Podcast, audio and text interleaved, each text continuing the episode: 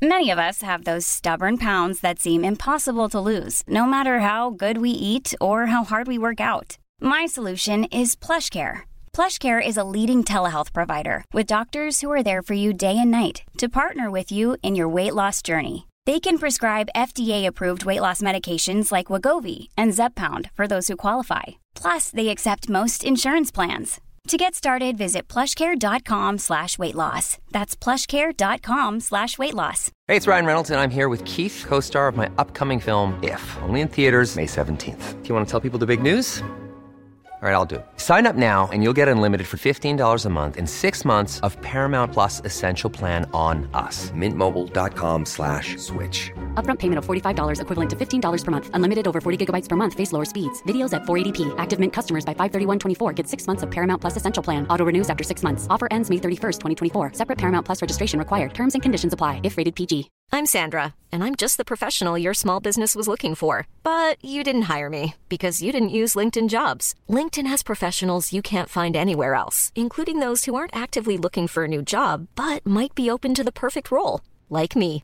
In a given month, over 70% of LinkedIn users don't visit other leading job sites. So if you're not looking on LinkedIn, you'll miss out on great candidates like Sandra. Start hiring professionals like a professional. Post your free job on linkedin.com/people today.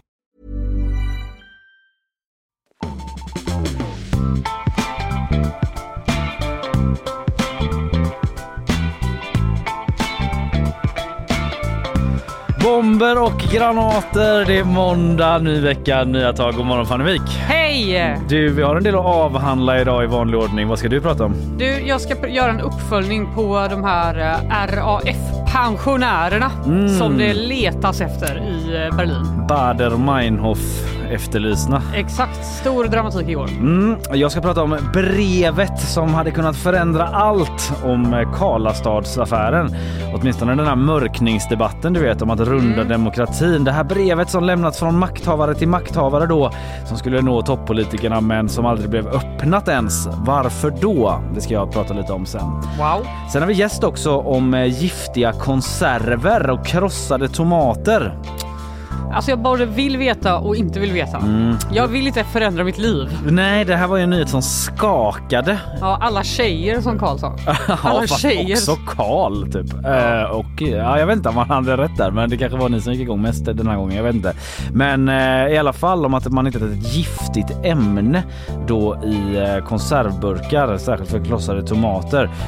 Och vi får prata med Sabina Litens Karlsson som är toxikolog på Livsmedelsverket som ska försöka reda ut och hjälpa oss med detta. Mm. Hur farligt är det egentligen att äta krossade tomater på burk? Ja, Mm. berätta. Sen eh, fler nyheter. Ja, jag ska prata jättemycket om Mello. Ja. Som jag inte har sett. Men jag vet hur arga folk är. Ja, Och det är kul. Det är någon typ av skandal som du har försökt Det förstå dig på. är flera skandaler, Kalle. Och jag ska berätta allt om det. Ja, jag har också lite om att eh, Liberalerna vill sätta barnlås på sociala medier. Nya klaffbron över älven som är klar för Göteborg. Och så mer älvnytt om en fem meter lång fisk som ska planteras ut. Usch. Ja, varför då kan man undra. Ja, varför det är ett väldigt, väldigt, kanske, kanske det mest intressanta biologiska mångfaldsprojektet just nu. Men Eh, gud. Enligt en person i den här Jaha, artikeln. jag trodde enligt dig. Nej, inte enligt mig. Jag kan, Jaha, inte, jaha. jag kan inte bedöma det.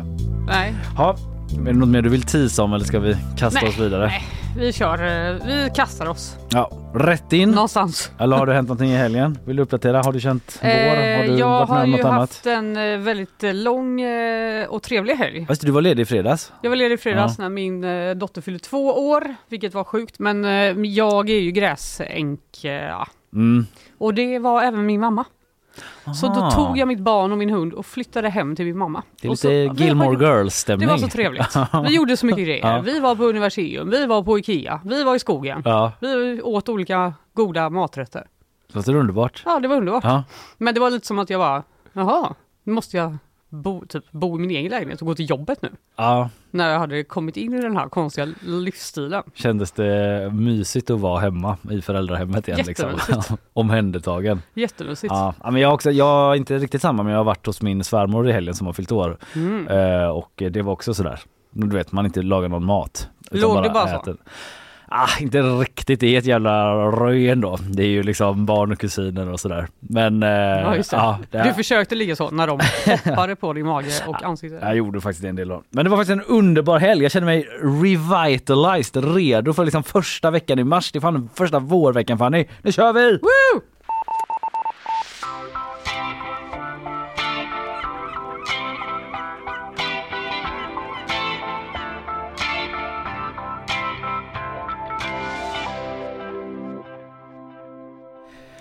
Du vet ju Karlastadsaffären Fanny. Ja, jag vet, typ. Ja, typ. Jag är ju väldigt intresserad av den och det har ju blivit ett jäkla liv om den också. Vi har pratat om det här, om det här miljardköpet då som oppositionen i Göteborg tycker är en kassaffär och som de menar, dessutom menar har skett i skymundan.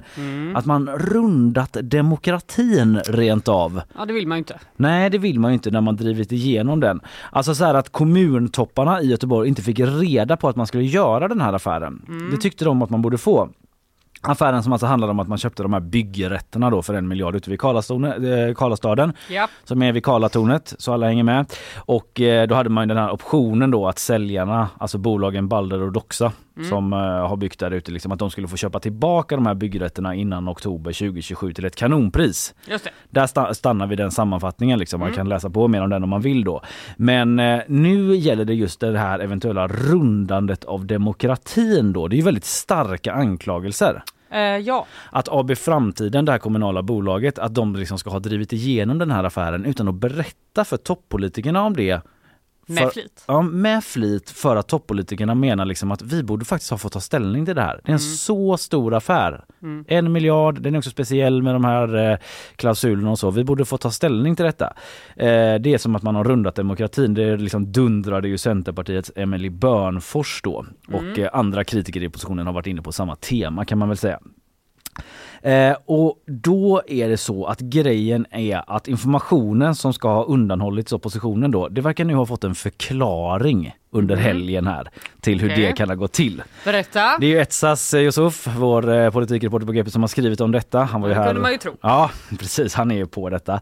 Eh, och det är lite inveck- invecklat det här. Men jag tycker verkligen att det är intressant. För det är en väldigt märklig, speciell historia det här. Om man liksom tar sig en liten stund här och hänger med nu och sätter sig in i det. Eh, för eh, det handlar om Göteborgs mäktigaste tjänsteman och kanske den näst mäktigaste. Eller typ en av de mäktigaste i alla fall och den allra mäktigaste som verkar ha väldigt svårt att kommunicera. Det har skett, eh, det har skett en väldigt så märklig kommunikationsmiss mellan dem Okej. som liksom uppgifter menar kan bero på olika saker. Vi kommer till det. Men det har i alla fall lett till att de två har kallats upp till ett möte eh, med eh, kommunstyrelsens ordförande Jonas Attenius som liksom har försökt sätta sig ner med de här två och försökt liksom lösa problemen mellan dem. Och eh, det här problemet mellan dem, den här kommunikationsmissen, det är den som verkar ha liksom lett till hela demokratirundningsdebatten. Hänger du med? Va? Ja, alltså att de här tjänstemännen har liksom kommunicerat så dåligt så att information inte har kommit fram till toppolitiker och, eh, på så, och liksom därför så bröt hela det här ordkriget ut om att oppositionen är så här, ni har rundat demokratin, bla bla bla bla bla. Vad pinsamt. Ja, men är det... det, att de inte gillar varandra då? Det kan inte du veta. det men- kan inte jag veta men ja, Det är en tolkning. Jag ska berätta så får man väl avgöra själv vad man tror. Jag kommer Mm. liksom inte kunna svara på det exakt, deras personliga inställning till varandra. Men uppenbart att de liksom inte har kommunicerat så bra i det här fallet. Okej, nu kör vi då. Mm. Eh, det är ju då det kommunala bolaget AB Framtiden som genomfört den här affären. Mm. Så långt är vi med. Och eh, där eh, i, den, eh, i, det, i, i det kommunala bolaget så har man ju en styrelse då. Ja. Och i den styrelsen sitter representanter för partierna i kommunfullmäktige i Göteborg. Mm. Och de har liksom alla röstat igenom den här affären. De tycker fortfarande det var en Det bra låter affär. jättedemokratiskt. Precis. Så långt liksom, eh, so far so good. Och eh, men det som bråket har handlat om i efterhand då är att eh, ledande politiker i stan, som alltså inte sitter i den här styrelsen utan är i kommunfullmäktige, de tycker då att de borde fått information om den här affären Ja, de ville innan. också vara med. Precis, de ville väga in och Mm. ta ställning till det innan den genomfördes. Trots då att representanter från liksom, Moderaterna och eh, Kristdemokraterna, inte Centerpartiet dock, för de har för få röster, men liksom, de är representerade oppositionen i AB Framtiden.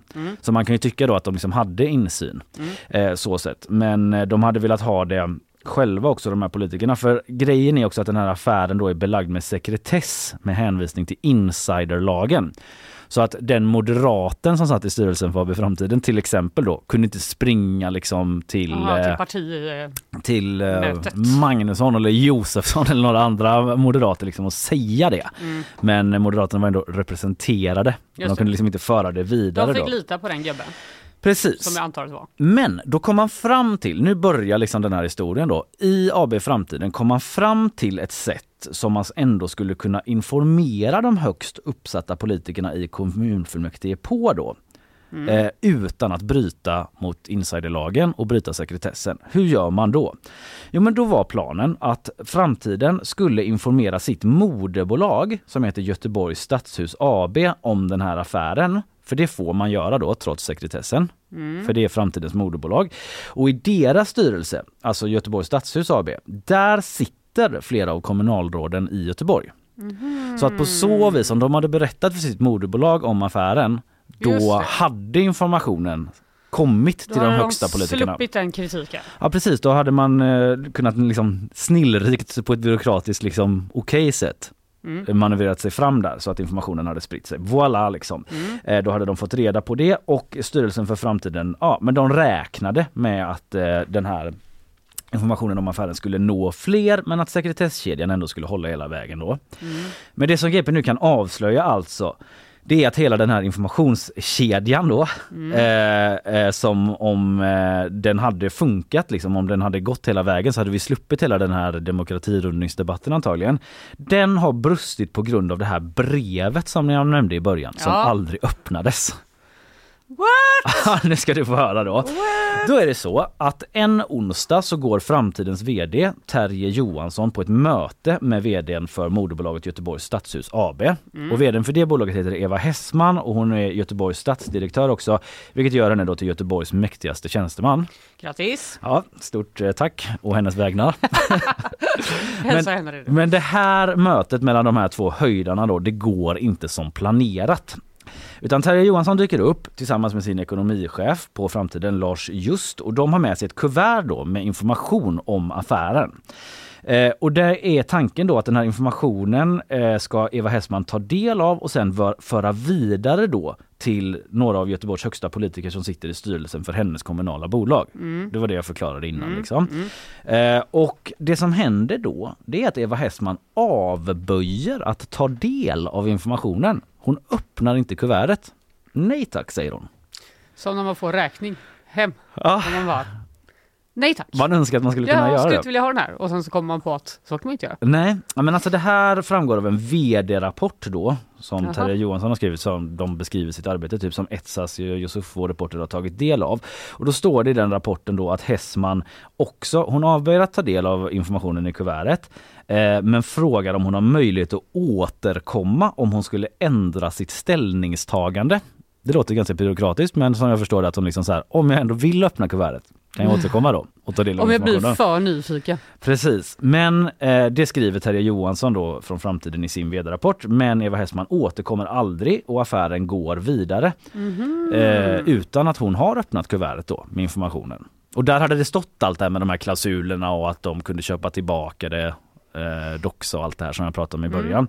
Eh, men eh, affären genomförs ändå och offentliggörs i januari och det är då det tar hus i helvete med att oppositionen tycker att man fört dem bakom ljuset i princip, att man mörkat en jätteaffär och att de borde fått reda på allting, att man rundat demokratin. Liberalerna anmäler det till EU-kommissionen. Det blir ett jätteståhej. Oppositionen liksom begär extra möten om att här, alla kort ska upp på borden nu. Framtiden måste in till Stadshus AB. Där, där har man mötena. Skitsamma liksom.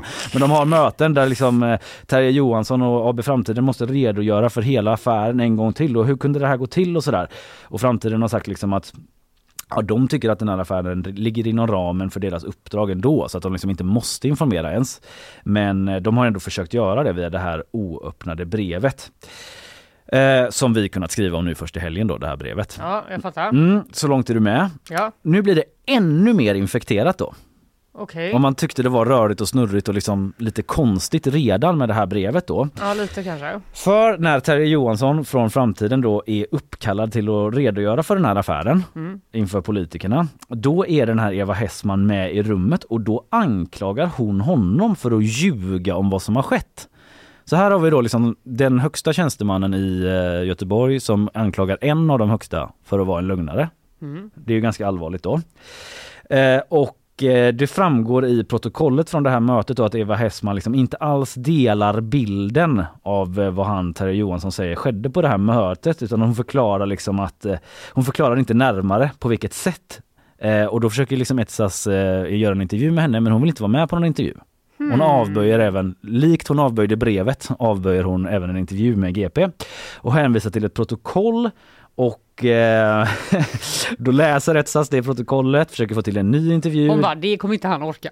Ska han hålla på och läsa ett protokoll? Nej, det orkade Etsas. Eh, men det blir nej igen på intervju. Liksom spoiler alert, vi kommer inte få höra från Eva Hessman för hon har inte varit med på en intervju. Hon hänvisar då till eh, en eh, vd-rapport igen som hon själv skrivit då om att Terje Johansson aldrig specificerade varför det var så viktigt att hon läste det här brevet. Så hon menar liksom att hon fick det här brevet men de förklarar liksom inte varför är det så bara, himla här är viktigt. lite ett brev. Men tänk inte. inte mer på det nu. Jag vet inte hur det gick till om de, precis, om de bara la det på hög. De bara, eh, ser du det här brevet? Ja, Ja. okej. Då tackar Då vi för oss och fortsätter med våra affärer. Hon skriver i den här vd-rapporten, Stadshus vd gör bedömningen att hon i sin roll som Stadshus vd eller stadsdirektör inte är berörd. Så det finns ingen anledning att hon tar del av den hårt sekretesskyddade informationen. Därför avböjer de att liksom ta del, eller att eh, öppna brevet. Aha, så typ så här, om det är så hemligt så ska väl inte jag? Ja men precis, det är ju argumentet. Så här, om det nu är så himla sekretessbelagt så här, då, får det väl, eh, då behöver inte jag läsa det. Mhm. Så jag avböjer det. Så det kanske finns en rimlighet i det. Jag har liksom lite svårt att bedöma det ärligt talat. Men eh, det ska jag väl inte göra heller. Det är bara så det har gått till. Ja. Och eh, hon skriver också att det, hon inte uppfattat att det fanns någon överenskommelse om att hon skulle återkomma om hon ändrade sig. Du vet det jag sa Aha. tidigare. Okej. Så det håller hon inte heller med då. Eh, samtidigt så liksom ger hon, kastar hon lite skit kan man väl säga på Stadshus AB för det står i den här eh, vd-rapporten som hon skrivit då att eh, hennes koncern då Stadshus AB är bland de sista som informeras om affären.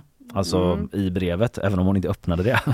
Så är de de sista som informeras och det får betraktas som anmärkningsvärt och sällsynt eftersom de brukar informeras om betydligt enklare grejer. Eller ärenden som det står. Förstår du? Typ att så här, ni brukar informera oss om massa så här små grejer jämfört med det här. Det. Och så, kommer då, ni så här sent med det. Ja, och då tänkte jag, det här var inte så viktigt. Ja det säger hon inte om, det, om hon tänkte så men ja, att det i alla fall kommer sent. Och fast det är en så stor grej. Det, får, det noterar hon i sitt protokoll. Ja. Ja, eh, och så ser det alltså ut. Alla politiker som medverkat i affären säger till GP att man var överens om att man ville få upp den här informationen till de högsta politikerna. Eh, och eh, de är också överens om att kommunikationen brustit mellan Hessman och Johansson. Det är det som är så här, du frågade innan om de har bråkat typ, om de hatar varandra eller så. Det vet inte jag, men alla är så här överens om att kommunikationen brustit. Typ att han bara, här är ett brev för mig. Ja. Bara, Nej tack, inte från dig tack. Nej, precis. Talk to TTY igen. Ja. Där är dörren. Bara, jag läser oftast brev men inte från dig tack. Ja, men det är ju svårt för att Eva Hessman inte har velat vara med på en intervju. Ja men då får man också tåla lite spekulation. Ja men eh, det hade varit enklare om vi hade vetat, fått hennes egna ord liksom. Ja. Eller svar på våra frågor från henne så här. Eh, men i alla fall, eh, det som skedde efteråt som jag nämnde det är att Jonas Attenius, socialdemokraten som är högsta hönset i politiken, kommunstyrelsens ordförande, han har kallat upp båda på ett möte och han har ställt upp i en intervju med GP. Han säger till Etsas att jag vill inte gå in på vad jag har sagt och inte sagt men jag har pratat med bägge direktörerna. Så Mm, eh, okej. han vill inte säga vad de pratade om på det här mötet då. Men Nej. han betonar att det inte är vilka som helst som hamnat i konflikt. Så han är ändå med på att eh, det här är liksom två högdjur inom eh, den kommunala hierarkin som har tvingats till ett möte med högsta chefen för att liksom reda ut sina problem. Han säger så här, det här är tunga direktörer i stan som är kompetenta och kloka personer. Jag har varit tydlig med att jag förväntar mig att de reder ut den här delade bilden på ett bra sätt. Framförallt är det viktigt att de riktar blicken framåt. De två har mer att göra i Göteborgs stad än Karlastaden. Så han vill liksom rikta Mm, blicken just framåt det. nu och vara Skit typ så här, det nu. Jag har sagt till dem, de får lösa detta nu. Ni måste samarbeta. Ja, lite så. Sen säger han att det finns brister på bägge sidor och sådär. Han vill inte hänga någon. det är aldrig den enes fel när två träter, säger Jonas Nej.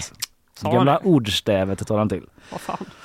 Eh, jag är snart i mål nu Fanny. Avslutningsvis, källor då som vi på GP pratat med säger ändå att Hessman och Johansson inte har en särskilt god relation. Nej. Och en källa säger då om att Hessman tackat nej till informationen i kuvertet så säger källan så här, varför gör hon så? Det är för att hålla ryggen fri och sen kunna slänga Terje under bussen så fort det blir politiskt Oh rabalder. Det är min högst personliga uppfattning, säger källan, alltså Ja, inte jag. eh, som är med i utbyte mot anonymitet här då i GP då. Så att den här källan eh, menar ändå att eh, Eva Hessman försöker slänga Terje under bussen. Ja, det var hårt. Ja det var hårt, det tyder ju ändå på någon typ av konflikt. Eh, De uppgifterna vill inte Jonas Attenius ta ställning till. Jag har inga synpunkter på det. Det blir en sån här situation där det talas från ena till andra hållet. Det sägs olika saker från olika håll och kanter som jag inte kan kommentera säger han. Eh, Men han håller med om att det är ett väldigt stort problem att två direktörer kommunicerar så här dåligt men han förväntar sig att de ska lösa det nu. Japp. Så där har du det Fanny! Ja. Om de kommunicerat bättre, de här två högdjuren i den kommunala hierarkin, då kanske vi hade sluppit i alla fall delar av det här ordkriget mellan oppositionen och ja, styret. öppna alltid era brev. Ja, en lärdom.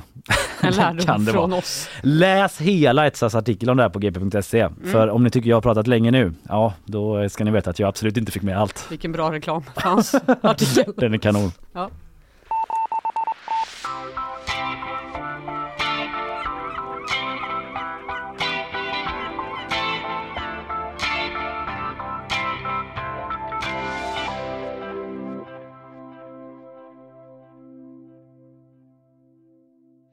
Så, nu så tycker jag faktiskt det passar särdeles bra med lite nyheter i ett kortare format. Ja, det Mm. känns väl bra. Och då är vi glada för att Isabella Persson har satt sig vid eh, mikrofonen. Ja, här idag igen.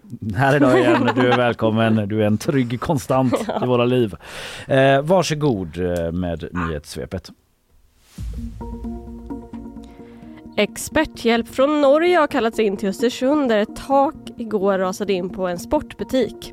Lokalen utrymdes och sex personer fick hjälpas ut varav tre av dem fick föras till sjukhus men samtliga med lindriga skador. Det är dock oklart om någon är kvar inne i butiken. Det norska teamet som kommer från räddningstjänsten i Trondheim har specialutbildning när det kommer till rasmassor och kommer bistå med råd. Även MSB har kopplats in och bistår med sök och räddningsteam. Varför taket rasade in är fortfarande oklart men arbetshypotesen är att det är stora snömängder på taket som orsakat raset. Under gårdagskvällen körde en bil in i en husvägg i närheten av Munkebäcksrondellen. Två personer färdades i bilen och föraren, en kvinna, misstänks ha varit påverkad av lustgas. Personerna ska ha klarat sig relativt oskadda och ska inte behövt söka vård så räddningstjänsten lämnade över ärendet till polisen. Men när väl de var på plats så hade passageraren flytt platsen. Eftersom den inte är misstänkt för något brott så har man inte inlett någon aktiv sökinsats. Föraren däremot har frihetsberövats och man inväntar nu provtagning. thank you Göteborgaren Andreas Kramer stod igår för vad som kallas en sensation när han sprang hem ett silver på 800 meter i friidrotts-VM. Mästerskapet är ett inomhus-VM arrangeras i Glasgow och Kramers medalj innebär nu att Sverige för första gången någonsin tagit en VM-medalj i medeldistans. Under kvällen kunde Sverige också fira med ytterligare en medalj när Armand Duplantis säkrade VM-guldet i stavhopp. Det blev också tre försök på världsrekordet men detta lyckades han inte rucka på den här gången. 800 meter, det är ju min eh, friidrott det. Har jag alltid hävdat att det är ett annat liv. Alltså, liksom det, min Tänk, tänk, min tänk. fysik är som bäst lämpad för 800 meter. oj, det är Jaha. inte många som säger ändå. Nej, om jag hade liksom börjat väldigt tidigt och bara fokusera Tänk. allt min eh, kraft på 800 meter så tror jag jag hade kanske kunnat eh, delta i filmkampen. Just det, Då är det stå den här där och nyheten handlat om kämpa. dig Kalle. Då hade det kunnat vara jag som Mm. är Lars Kramers spikskor. Springer man i spikskor? Eh, Det tror jag ändå man gör. Gör man inte 800 meter? Du känns inte så förberedd måste jag ändå säga. Nej, ja, det är som sagt Jag, jag bara förutsätter att liv. alla har spikskor när det kommer till eh, friidrott. Man ska ändå ut långt och springa. Ja, jag vet inte. Eh, Göteborgaren, Ja. Andreas Kramer. då. Ja, det Mm. var väl eh, skräll. En Ja. skräll eh, seger var det inte men eh, väldigt nära seger var det till och med också. Ja, Han kanske- beskrev det också så bara, jag väntade på att bli trött men jag blev aldrig trött. Det Läge- måste ju vara så härligt. Det måste ju vara så härligt. En underbar känsla. Kanske läge att få hit Andreas Kramer ändå. Det hade varit kul. se lite på ett VM-silver med det. Ja Fanny, du fick dig en jäkla köss där precis innan nyhetssvepet. Ja. Ja, en liten stöt. In, jag skrek, ja. jag vet inte om ni hörde det. Om Men varför får man det. stötar av de här? Det är för att man glider av. Det är statiska, eh, Statiska. stolar.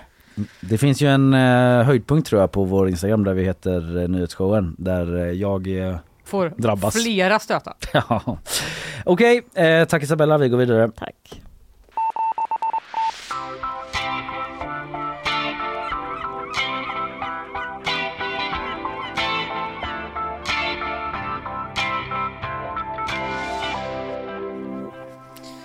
Dö, Ja, kan jag säga. Hallå dö. hallå du.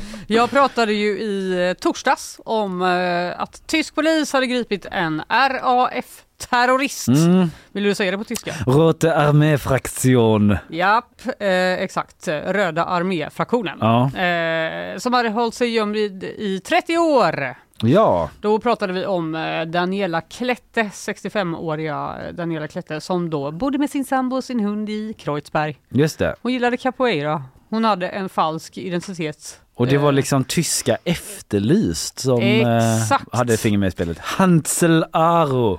Hansel. Aro hade hjälpt dem eh, att eh, hitta henne och eh, nu under gårdagen då fortsatte då den här dramatiska jakten på de två liksom, kvarvarande RAF eh, Ja, för det var två till, just det. Ja. Bader-Meinhof-panschisar. Exakt, det var tungt beväpnad polis som sökte igenom ett industriområde och också ett hyreshus i stadsdelen Friedrichshain i Berlin då, i jakt på de här två männen, hennes kumpaner som vi faktiskt pratade om i torsdags med. Det är ju då Ernst Folket Straub som är 69 år eh, gammal nu Mm. och Burkhard Garweg som är 55 år. Han Och måste varit så jäkla ung när det begav Jag sig vet. då. Typ bara barnet. Vad hände? Han Ja. kanske hoppade på så väldigt sent. Den senare generationen. Ja, den tredje kanske. generationen. När Ja, alla hade blivit såna, vänstervågen var över, alla hade blivit såna yuppisar med gigantiska mobiltelefoner. Ja, han Då bara, han in. hallå, Ja, nu ska vi styra upp det här. Ja, de har i alla fall då varit fortsatt på rymmen och eh, man ska ha haft uppgifter om att en av dem befann sig i det här hyreshuset. Men eh, vid eh, 11-tiden igår så gick man ut och sa att vi har inte gripit någon, tyvärr. Eh, Det var falskt Ah, misslyckat alarm. tillslag. Ja, men eh, både då Ernst Volker Straub och Burkhard Garweg, de har varit då efterlysta i 35 eh, år för massa mm, grova brott. Jag måste upprepa Ja. lite det här från i torsdags. Men, Ja. eh, de var medlemmar i RAF, det är en vänsterextrem eh, terrororganisation. De eh, ligger bakom har gjort sig skyldiga till 33 mord och skadat över 200 Mm. personer i diverse då uppmärksammade terrordåd mot eh, poliser och politiker och amerikanska soldater etc. Mm. Ja, men de har varit lite som most wanted liksom på Exakt. EUs De har ju det. terrorlista. Det känns Europol. Ja, Europol ja. Ja, och det här är då för att just de här pensionärerna som vi pratar om, de här tre personerna, de har inte bara då varit med i eh, den här terrororganisationen utan de har också begått nya brott ja. efter att den upplöstes 1998 och det är eh, för att de behövde finansiera sitt liv under radarn. Det. det är pensionärer men eh, jobbar lite Vi grann. jobbar lite grann och det vi gör då är att vi rånar värdetransporter och matbutiker på massa pengar. Senast 2016 gjorde man då i och för sig ett misslyckat värdetransportrån Ja. för att få tag i miljoner med euros. Inte tillräckligt misslyckat för att man skulle gripas då åtminstone. Nej, Nej. Eh, de, de här värdetransportvakterna Mm. låste in sig med pengarna. Ja. Så de fick dra. Mm. Eh, och det här kan ju då förklara varför polisen då så aktivt letar efter de här gamlingarna. Eh, man har liksom gått ut med efterlysningar vid flera tillfällen de senare åren och eh, men det var då efter att man visade någon slags simulerad bild på hur de förmodligen ser ut Mm. nu när de är gamla i det här tyska efterlysprogrammet som det regnade in 250 tips gällande vad de här personerna kunde vara. Ja. Och eh, ett av de tipsen ledde ju då till den här kvinnan, Daniela Klette. Mm. Men, eh, och man kan också få 1,7 miljoner kronor Just om det. man eh, ger ett bra tips. Man undrar lite om hon har kallat ner de här två andra. Det vet jag ingenting om. Det- det men, känns eh, bara inte så. Tanken slog mig men Nej, man vet inte liksom om de har någon, haft kontakt, kontakt. Nej det vet man Nej, inte heller. och man vet inte heller vad det här var för tips som ledde till den här gårdagens eh, polisinsatser som då alltså började med att regionala och federala styrkor kallades då till ett industriområde. Där tvingade man upp en dörr till eh, någon slags företagslokal och ska ha kastat in rökbomber och avlossat flera skott läser jag på det. Och det ska ha varit uppåt 130 poliser Jävlar. som var med i den här insatsen. Herregud. Det är ett gäng. Ja, det Ändå. är ändå terrorister som mördat Precis, människor det handlar om. är ju det. Även om de är eh, lite till åren. Ja, men de kan ju vara farliga ändå. Va? Mm. Och eh, man grep tio personer men släppte eh, alla efter att man insåg att ingen av dem var Staub eller Garveg då, tyvärr. Mm, mm. Och det här industriområdet, det här förklarar kanske varför det var så otroligt många poliser. För det här industriområdet då har funnits på de rättsvårdande myndigheterna, som DN skriver, på deras radar i många Mm. år. För att här huserar då eh, husockupanter och eh, liksom, dömda kan göra samhällstjänst där. Och Okej. det verkar vara liksom många vänsteraktivister som bor i tillfälliga lokaler där. Aha. Och med tillfälliga lokaler menar jag containrar som de Aha. har typ byggt om och bor i. Ja, och eh, Garveg då, den yngre, han ska ha bott i en sån ombyggd container Okej. som eh, polisen nu har flyttat hela skiten för att kunna undersöka lite närmare. Mhm. De bara hmm, Det är ändå fascinerande att de kunnat undgå lagen så pass länge. Särskilt när man hör det här då att de liksom så bara "Ska- Kan tänk om de är där inne? Äh, skitsamma. Såg ni Ja. Efterlyst igår igen förresten? Har du sett den här bilden på honom? Ja, Nej men det är lite kul att de bara, här är ett stort område där vänsteraktivister bor. ja, Då ska vi kolla där va? Nej. nej. Sen bara, nu fick vi ett tips. Vi kallar ändå kolla grabbar. Det har väl varit kanske inte en prioriterad fråga då. Det kan ju ändå vara sådär ibland att media, typ Efterlyst, påverkar polisens agenda, sätter lite press och så... eh, Så kan det ju verkligen vara. Ja, jag vet inte hur det har varit i det här fallet, men kanske. Nej, eh, de här två männen är alltså fortfarande på flykt. Pol- Polisen utesluter inte att de har vapen och varnar därför allmänheten från att själva närma sig de efterlysta. Mm. Typ, gå inte fram och liksom försök ta den och tänk, då kanske jag får 1,7 miljoner kronor. Ja. Utan eh, typ gärna polisen i så fall. Mm. De säger dock att det för närvarande inte finns något konkret hot mot staden Berlin. Nej, Så det var ju skönt. det var ju skönt ja. Ja, de har ju varit med i en terrororganisation. Så Ja. jag antar att de måste säga. Mm. De har inte hotat att spränga Mm. något Ja, här. oklart om de har några grejer att gå vidare med nu då, men de undersöker den här containern. De undersöker kon- containern och eh, lär ju få ännu fler tips. Så fortsättning lär verkligen, verkligen följa.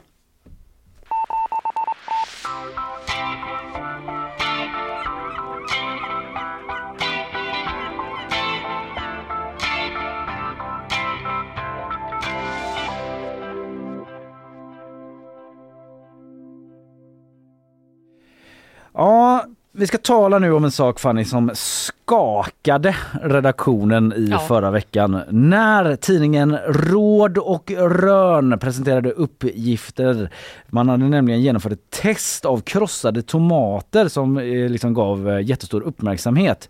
Eh, både i andra medier och på sociala medier inte minst då. Och det handlar om det omdebatterade ämnet då bisfenol A som eh, ska finnas då i fem av sex konservburkar med krossade tomater. Vad är det här för ämne? Kan man inte äta burktomater längre? I så fall är det liksom en major game changer i mitt liv kan jag säga med en gång. herregud. Vad handlar det här om? Med oss för att försöka förklara lite då har vi från Livsmedelsverket toxikolog där Sabina Litens Karlsson. Sabina, hej, god morgon, är du med oss? God morgon, jag är med. Tack.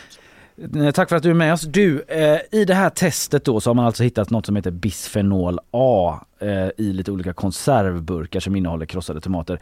Kan du berätta för oss, vad är det här för ämne, bisfenol A? Ja, bisfenol A är en kemikalie som främst används vid tillverkning av plast eh, och den kan därför finnas i bland annat livsmedelsförpackningar. Mhm. Men och det är alltså hälsofarligt. Vad kan det ha för effekter om man får i sig det? De mängder av bisfenol A som vi får i oss via mat och dricksvatten orsakar inte akuta hälsoproblem eh, vi kan inte heller se att bisfenol A orsakar sjukdomar men om man får i sig tillräckligt mycket under lång tid så har man sett att det kan bidra till förändringar i kroppen som kan leda till sjukdomar, till exempel autoimmuna sjukdomar. Men troligt, eh, troligtvis så krävs det även andra pusselbitar såsom ett arvsanlag för den sjukdomen. Mm. Självklart så vill vi inte ha de här ämnena i vår mat och vårt mål är att vi ska få i oss så lite som möjligt av de här ämnena över tid. Och därför så har det eh, gjorts ett flertal åtgärder de eh, senaste 13 åren för att minska mängden bisfenol A vi får i oss. Till exempel så finns det ett förbud att använda bisfenol A mm. i livsmedelsförpackningar till små barn och det finns även striktare regler för användning av bisfenol A i livsmedelsförpackningar. Och de mm. här åtgärderna har faktiskt visat sig ge goda resultat. Eftersom man ser att bisfenol A minskar i våra kroppar. En svensk studie på kvinnor har faktiskt sett att mängden bisfenol A i kroppen har minskat ungefär 10% varje år sedan 2012. Mm. Men vi är inte nöjda eh, såklart med de här åtgärderna utan vi jobbar för ett förbud nu av de här ämnena i material mm. som kommer i kontakt med livsmedel, till exempel konservburkar inom EU. Då. Men för eh, när vi hörde om det här från Råd och Rön då så slog det lite ner som en bomb. Särskilt, alltså jag är ju en liksom stor eh, spagetti och köttfärssåsätare mm. eh, där en nyckelingrediens är krossade tomater. Vi liksom Alltså jag, jag, ska inte överdriva men lite lätt skakade blev vi allt. Mm. Eh, hur liksom reagerade du på den nyheten? Du har ju koll på läget förstår jag liksom men ja, när du liksom hörde om den här Råd och Rön-granskningen, var det liksom old news för dig eller hur reagerade du just på det? Ja, men vi visste ju att det fanns i konservburkar eh, och eh, ja, men eh, de här mängderna som de fick fram i relation till det här eh, EFSA, den europeiska livsmedelssäkerhetsmyndigheten, har ju tagit fram ett hälsobaserat riktvärde som de sänkte enormt mycket förra året. Mm. De sänkte det 10 000 gånger för att Oj. man då fick liksom stärkta bevis ändå för att det ja, på, under lång tid skulle kunna leda till eh, till exempel autoimmuna sjukdomar. Men hur länge har man haft det här ämnet i burkarna? Hur länge har man liksom gått och ätit eller fått i sig det här ämnet? Eh, ja, det, det är jag osäker på hur länge faktiskt, men i alla fall säkert sedan 2000-talet. Det, det kan jag inte säga. Mm. Eh, men var, kommer ämnet ifrån? Ja, men, eh, man kan hitta det i livsmedelsförpackningar, eh, till exempel konservburkar, matlådor, hårda sportflaskor i plast. Eh, och lacken inuti konservburkar anses stå för en stor del av det.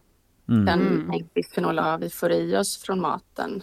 Men om man då har eh, snittat på fyra goda konservburkar med tomat nu i eh, 20 år, hur orolig ska man vara då? Uh, eh, jag tycker inte att man behöver vara oro, orolig eftersom de förändringar man ser på kroppen kan komma av eh, att dagligen få i sig för mycket av det här ämnet under stora delar av livet. Så mm. det riktvärdet som tagits fram det är alltså att man ska kunna få i sig det här varje dag en hel livstid. Och så finns det säkerhetsfaktorer kopplade också så att det ska vara en marginal till när det faktiskt skulle kunna uppkomma. Men så att om man i dagar, veckor eller år överskridit det här så betyder inte det att man blir sjuk. Och dessutom så lagras inte bisfenol A i kroppen. Så om man i en period har fått i sig extra mycket så kommer man kissa ut det relativt snabbt till skillnad mm. mot andra ämnen som kan finnas i, i vår mat som kan lagras i kroppen i många år. Mm. Jag tycker snarare att man ska se det här som en påminnelse för att man inte bör äta allt för ensidigt. Mm Man ska ta tag i det problemet. Mm Också inte bara äta spagetti och köttfärssås varje dag. Nej, men är man safe då om man köper tetra-varianten som jag ändå brukar göra? PGA lite snål. nej men ibland, de här fina är ju ibland på burk men nej men skämt åsido, liksom är, är det en annan grej med de här tetra-förpackningarna med krossade tomater?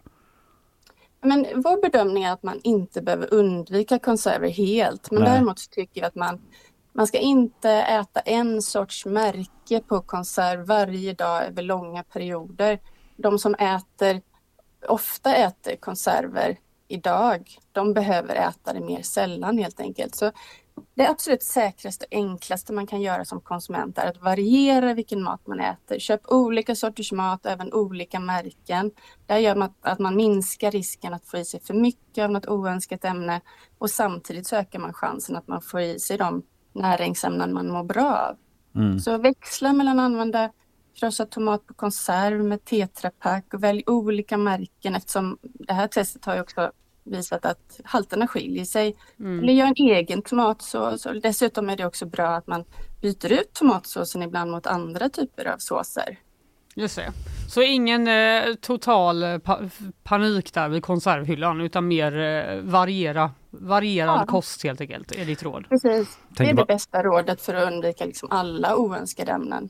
Tänker på alla stackare som har du vet, bunkrat upp i sina förråd nu inför krisen kommer med bara så konserver. Men då kanske man får tåla. Ja det kanske var Lite. det mer Ja. saker och, eller Om- andra om saker att krig. oroa sig för eller att man så på väldigt lång sikt ska bli sjuk. Ja, Precis. Ja. Då, då får man tänka lite annorlunda där. ja det och tror jag. sagt, det är inga akuta risker med det. Så att, ja.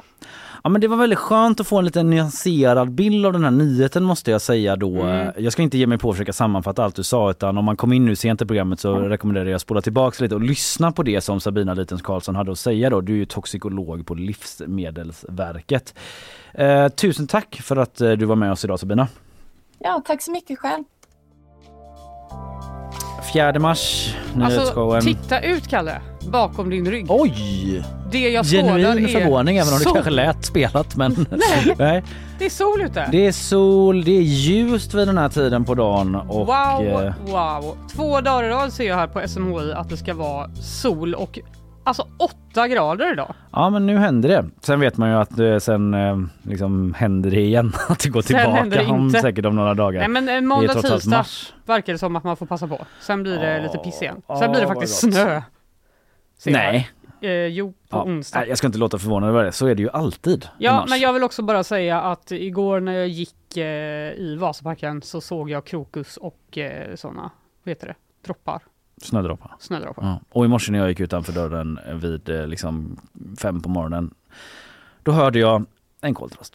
Nej! Tack eh, Linneas eh, fågelskola. Ja, verkligen. Men ändå liksom, alltså så här, jag, det har liksom fått mig ändå typ att eh, ibland faktiskt stanna upp lite grann och lyssna på fågelljudet om jag ska Nu vara helt jag, ärlig. Nu ser jag dig framför dig att du bara, Ja men du vet att det tog ändå en mycket, typ en sekund och bara, ja men det är nog en koltrast.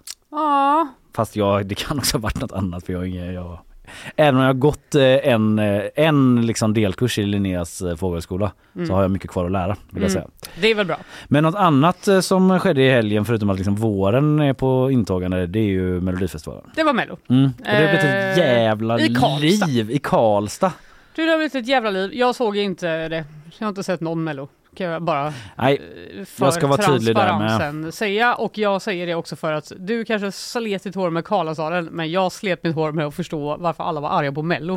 Jag, bara, jag kan inte förstå. Jag har säkert läst upp tio artiklar om det här nu. det är liksom Men lika komplicerat det är som så en sån jävla komplicerat. miljardfastighetsaffär i Ja. kommunal regi. Men jag ska försöka förklara och jag tror att jag har Ja. förstått. Men ni får också gärna ja, inte typ bli arga om Nej. jag säger fel. Nej men nu gör vi Ni vårt får gärna bästa höra av er dock. Ja. Men, ja, skit samma.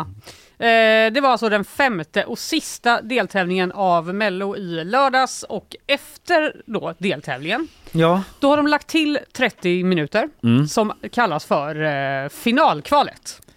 Vänta nu, säg det där en gång till. Nu kände jag att jag tappade bort mig direkt. Ja, de har en deltävling Ja. och sen efter deltävlingen så lägger de på en halvtimme och den halvtimmen kallas för finalkvalet Ah, okej. och det var det som förr i tiden var andra chansen. Okej, Då var det ett helt program som hade en hel egen men nu är det veckodag. liksom bara en liten svans på 30 Nu är det en minuter liten efter. svans. Ja. Exakt. Eh, Jag kan ju säga då för de som vill veta att eh, Marcus och Martinus och Medina gick vidare till finalen. Det Mm. verkar ha varit gastkramande och spännande när de räknade rösterna. I am sure it was. Eller hur? Och också då trean och fyran i den här deltävlingen. Mm. Eh, Jay Smith och Annika Vicky Halder. Mm. Det är så här, så, verkligen nya bekantskaper när man Ja, läser om verkligen. Melo- Melodifestivalen. Exakt. De gick också vidare då till final i finalkvalet och det är lite viktigt. Kom ihåg det nu. Ja, Mm. Eh, men vi, noterat. vi ska nämligen backa lite, för Ja. det började den här melloilskan redan i torsdags. Mm. Mm. Eh, Aftonbladet är ju min källa till allt det här, Ja. för de har rapporterat De kanske har skrivit 20 artiklar i helgen om det här. Och det kanske bidrog till min förvirring lite. Ja. Jag vill inte kritisera dem men Ja. jag bara säger det. Man skulle För- samlat allt i en sån tidslinje. Ja, Mm. det kan ni tänka på. För vår gång, skull. Aftonbladet. Om vi ska rapportera om det här väldigt snabbt på morgonen. Ja. Men det började då redan på torsdagen när hundratals barnfamiljer befann sig på Stora torget i Karlstad för att ladda upp inför Melodifestivalen. Mm. Blir man ju nervös redan Ja, när det någon här- säger så. Ja, det här har jag, det här har jag sett flimra förbi. Ja, eh, många var där för att se Bolibompadraken och Sommarskuggan, men istället fick de alltså höra det här. Raggen går, raggen går Jag är Raggen går, raggen går, jag är en raggare och kuken står av Rövballebandet dånade ut ur högtalarna mitt bland barnen. Typiskt! Jag Rövballebandet. vet, vem kom ens på det barnnamnet? Ett jävla geni. Ett jävla geni Ja. har skrivit den här låten. Det var det sjukaste, säger en upprörd mamma till Aftonbladet. Ja, ja. Det var det sjukaste. Och eh, hon får då medhåll av ganska många upprörda föräldrar som Aftonbladet har gått runt och minglat med där. Ja. Efter att den här låten har då högt spelats bland alla de här barnen. Vi bara kollade på varandra, vi föräldrar spelade de verkligen kuk i alla hål. Men ja, de gjorde det, säger en annan mamma som är där med sina två barn. Eh, Aftonbladet bara, berätta mer. Vad sa du sa du? Eh, Sandra och Jimmy Olsson var också där med sina barn Alicia och Alva, 8 och 3 år, i hopp om att få en trevlig familjestund, skriver Aftonbladet i alla fall. Ja, ja, ja, De var visst. där i alla fall. Antagligen. Vilken chock när den låten började spelas, säger Sandra. Låten är ju bra, men det kanske inte var för barnen, tycker Jimmy. Vill ändå nyansera. Han bara, Rövballebandet ska inte få så här mycket skit. Ja. Låten är ändå bra. Ja, jävla kanonlåt. Ja, Man vill exakt. inte snacka skit om den. Nej, det vill han verkligen inte Nej. göra. Även Hanna Kristersson, 32, var där med sin dotter Klara, två år, och när låten spelades så förstod de att något hade blivit fel. Jag tänkte bara, det här kommer de få skit för, säger Hanna. Ja. Vilket jag ändå sammanfattar lite stämningen där tror jag. Att Ja. alla bara, Ja. nu jävlar var det någon som tabbade Ja, sig. förutom han Jimmy som bara, fy bara, fan vilken jävla "Raggen går, kanonlåt. Ja. Det är roligt går." att den ger sig ut och hylla den. eh. Jag vet, det är så jävla rolig grej att dra en lans för. Att han bara, jag förstår att alla är arga, men det är en jävla bra låt. Ja. Men hur kunde det bli så här Kalle? Det vill du väl veta? Jo, eh, sanningen var att man skulle ha spelat då Raggen går med Elof och Beni. Det är alltså den här epadunk-duon Ah. som var med i Melodifestivalen med just den låten. Vill du höra den? Eh, ja, det kan vi väl alltså ta då. epa-versionen. Det här var det man ville spela. Ja.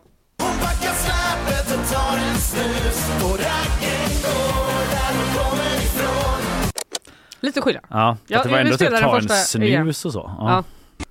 Raggen går, raggen går Jag är en raggare och kuken står Versus.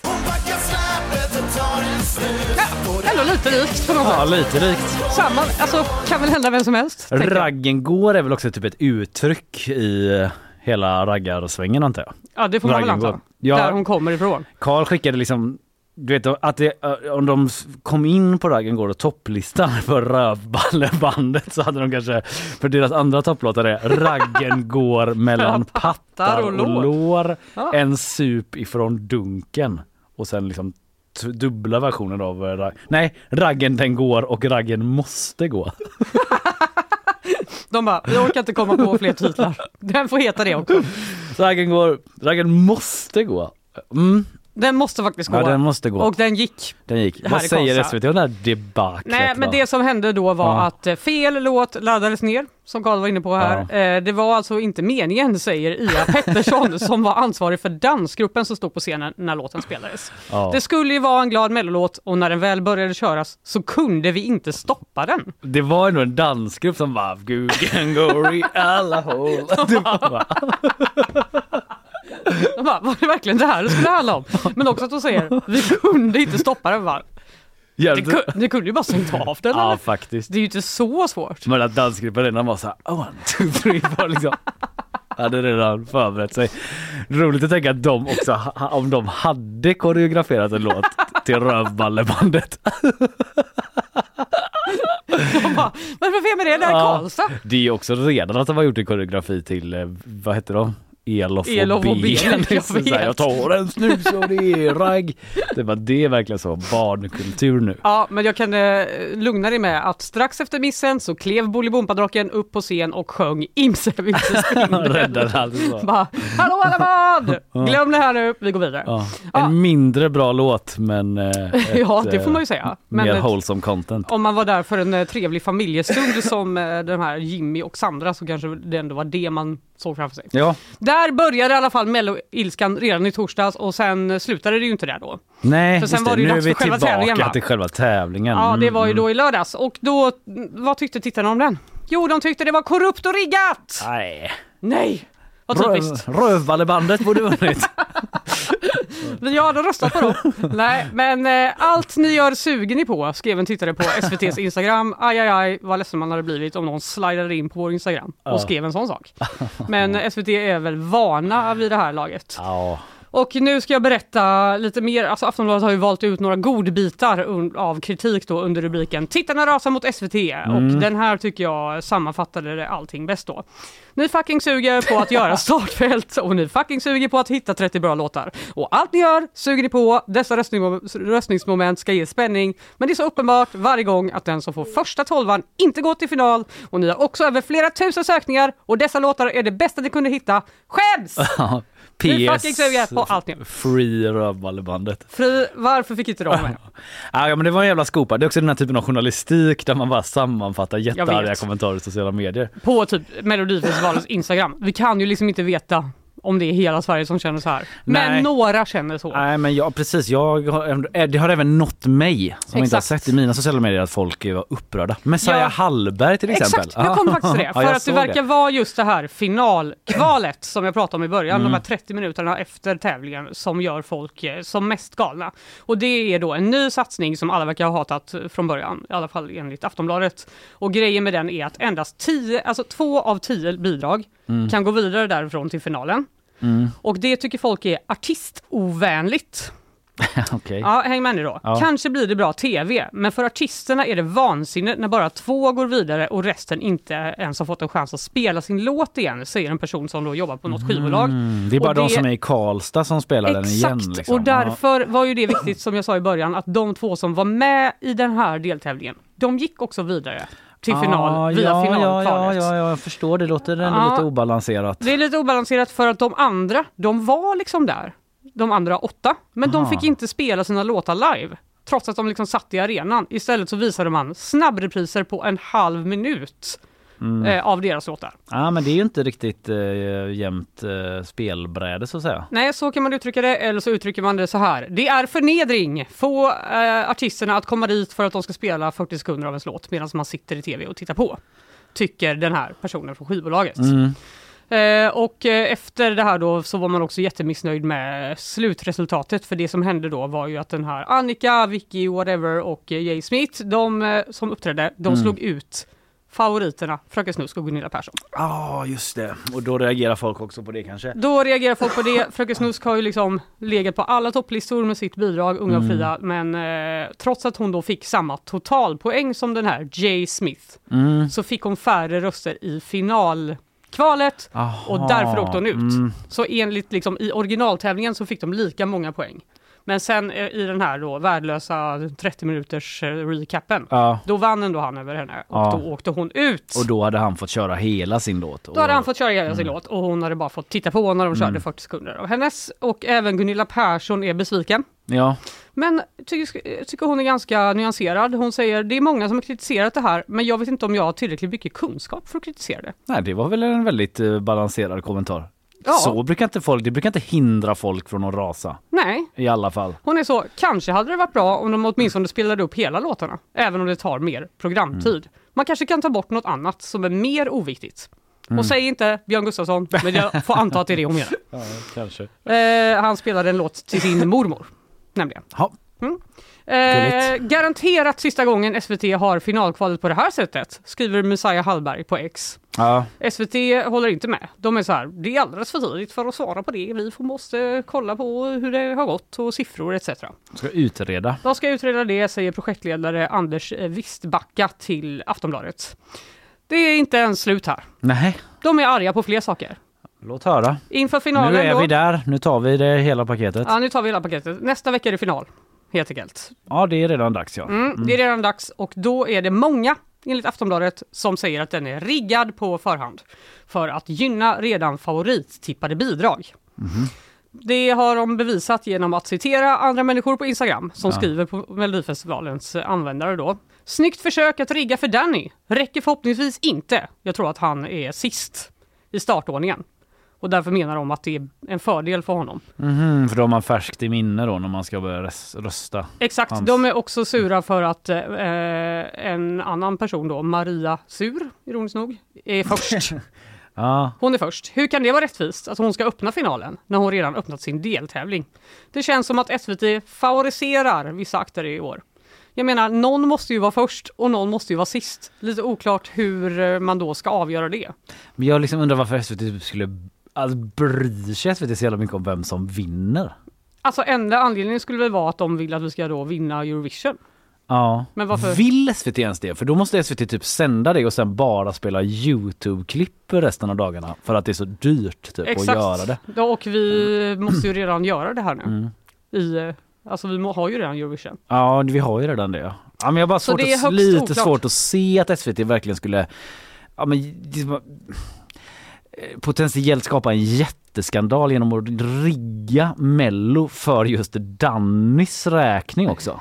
För Nej. att de brinner så mycket för hans bidrag. Det känns ju eh, helt otroligt men det enda vi kan veta är att det väcker väldigt mycket känslor, eh, Melodifestivalen. Mm. Många av dem negativa. Jag säger eh, skicka rövballebandet.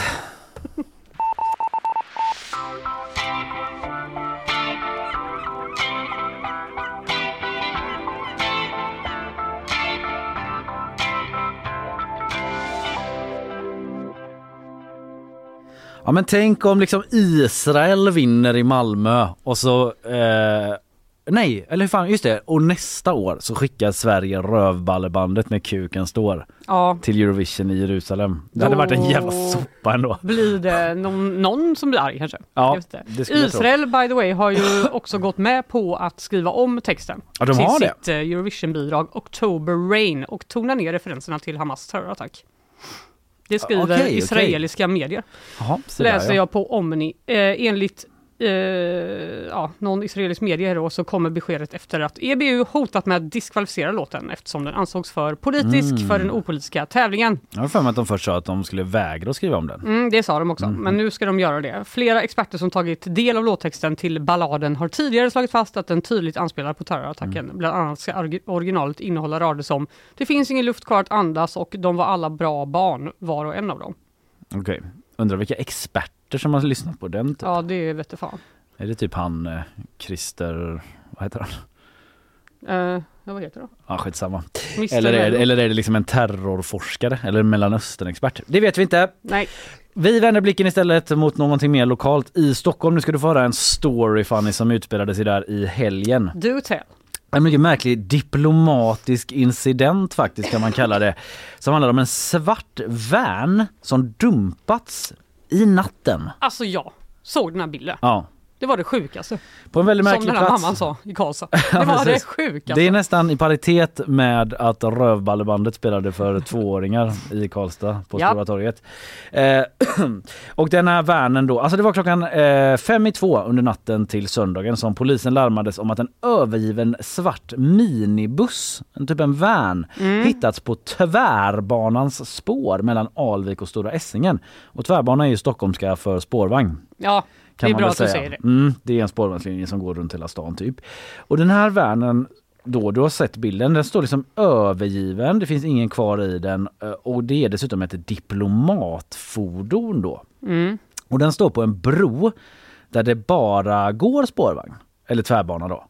Eh, Precis, alltså att eh, det är liksom någon som har kört kraftigt, kraftigt fel för det är liksom ingen bilväg där. Nej, det ser verkligen ut som att någon har släppt den från luften ner där. typ. Exakt, man fattar typ inte ens hur den har kommit dit. Det är en bro som går mellan Stora Essingen och Alviks strand då, som inte har biltrafik. Det är bara spår där. Mm. Och den här svarta vanen har liksom kört upp där och hamnat på snedden och blivit fast. Och förvirringen var ju därför då stor när polisen eh, kom till platsen. Ingen förstod någonting. Polisen ville heller inte säga då vilken ambassad den här bilen tillhörde. Nähä. Det är ju pinsamt för dem såklart. Ja, Man kanske väntade på att de skulle erkänna själva och det gjorde de till slut. vilken tur. Några timmar senare så får Aftonbladet ett mejl.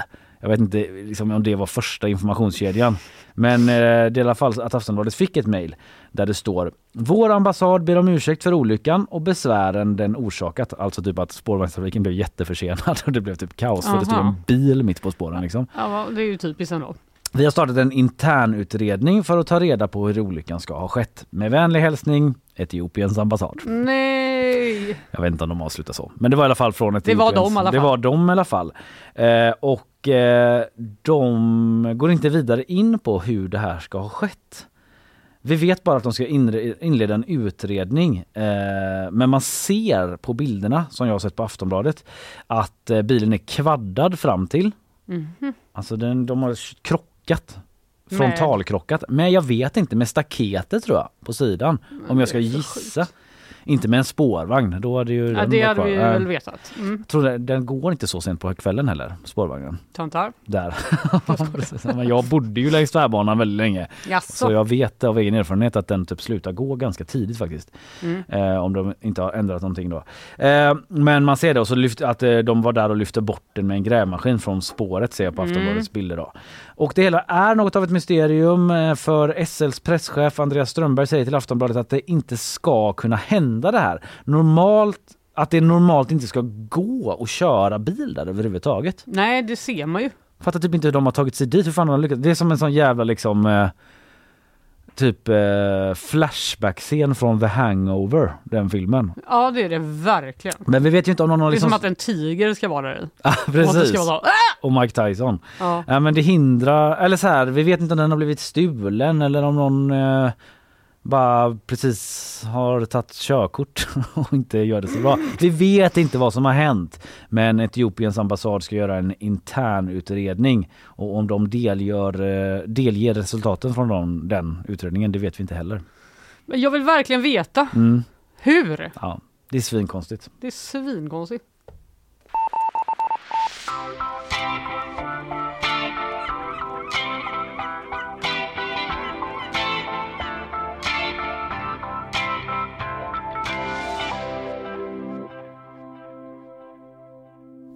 Kalle, jag måste tyvärr delge eh, lyssnarna ett sorgligt besked.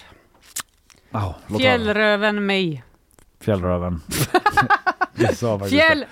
May Ja. har hittats död! Nej, Jo. den som du pratade om som eh, rymt med en örn. Den som jag dubbade till det gulligaste djuret Ja. i eh, världen. Eh, som hade rymt från Skånes djurpark. Eh, och de trodde att det var en havsörn Ja. som hade liksom tagit den Ja, och släppt ner Så den. det kan vara lite rymt, det kan ju vara lite fel uttryck då. Att den har blivit liksom kidnappad. rävnappad av en örn. Exakt, och sen hade den ju flera olika människor sett den springa omkring där. Mm. Men eh, ingen hade liksom lyckats fånga den. Man Och ville ha tips eh, från allmänheten minns Man jag. ville ha tips från allmänheten och nu har det visat sig att den har hittats ihjälkörd, skriver de i ett pressmeddelande. Ja, Det är ett sorgligt besked men vi är tacksamma för allt engagemang och den omsorg som har visats eh, kring sökandet efter mig, säger eh, zoologen Anna Blinkowski till SVT Nyheter Skåne.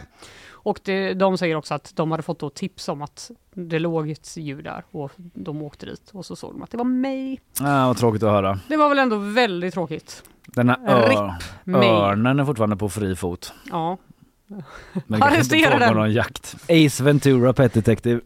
jag tror att de bara kanske låter den vara. Ja, örnar will be earning ändå.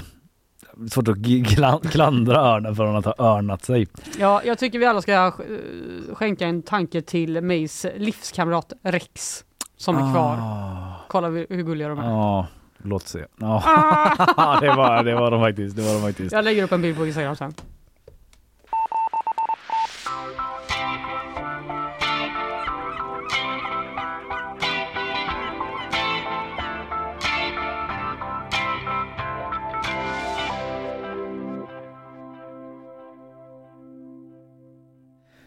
En annan nyhet som har snurrat på ganska bra i helgen i eh, sociala medier är ju den här om att Liberalerna vill införa ett barnlås på sociala medier. Kan jag få det? Ja, du känner att du jag behöver? behövt. Det ska gå, vara från klockan 23 på vardagar så ska eh, de inte kunna komma in på internet. Barn ska sova på nätterna och gå i skolan på dagarna.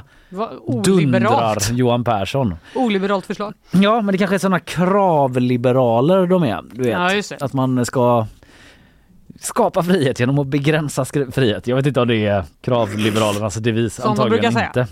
Nej, men det är väl just det som har varit eh, taken från många höhöskojare på internet.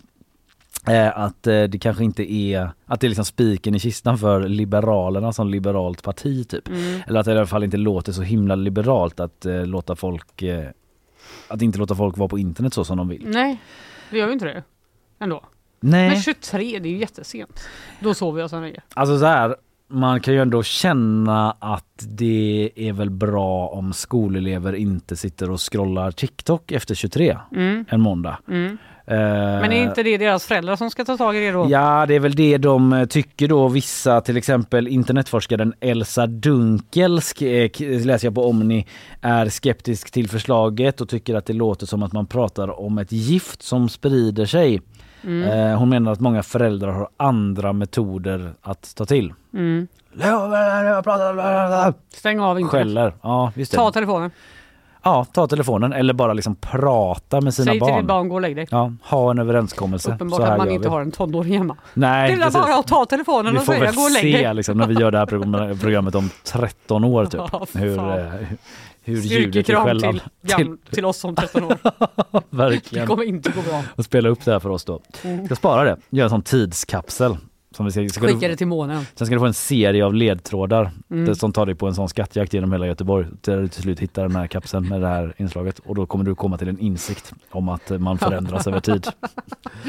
Tackar. Utgångspunkten säger Johan Persson då är att barn ska sova på nätterna och gå i skolan. Hur det ska, i praktiken ska liksom gå till då? Hur, hur skapar man ett barnlås på sociala medier? Mm. Det är ju inte som på ett fönster att man liksom sätter dit en sån här, du vet att du måste Nej. trycka in och lyfta samtidigt eller något sånt. Jättekäckt. Eh, utan eh, det ska ett expertråd utreda, säger Liberalerna. De vet alltså inte. Nej det vet de inte, men de vet att det har klubbats liknande förslag i Frankrike till exempel där barn måste verifiera sin ålder och få förälders godkännande för att apparna ska gå att använda. Va? Ja, Wow. Vad säger du Karl? Han säger nej. mumlar där. Han säger nej. Föräldrakontroll ja. Ja, att det finns det på andra grejer. Ja, Ja. ja. det kanske finns ett mer snillrikt sätt. Barn har väl inte bank-id va? Jag antar att de har det då. Jo, Mm. de har väl Swish. Alla barn har ju Swish. Har de det? Ja, det är klart de... Ja, just Swisha mig det. 100 spänn mamma! Ja just det, ja det har de Gud, vi ja, och så låter håller de på att tvätta nu. pengar. Eller den där nyheten. Ja det är klart vi låter De gamla, men vad ska vi göra? pengar. Det är ju liksom... Ja men i alla fall, Ja, det, till det vårt vill... försvar så visste ju inte de. De, visste inte heller hur det ska gå till men att man ska kunna via för sin förälder få godkänt då att eh, men precis vara på internet en viss tid då. Mm. Eh, och att eh, de tycker också att det liksom skickar en signal till föräldrar om att eh, skärpa till sig lite då. Just det, de är så här. Det här är vad vi tycker Mm. om er eh, uppfostringsmetod. Om, Den liberaler, om Liberalerna var föräldrar så hade vi varit jättebra. Mm, Mycket bättre än er, är det Mm. de säger. exakt.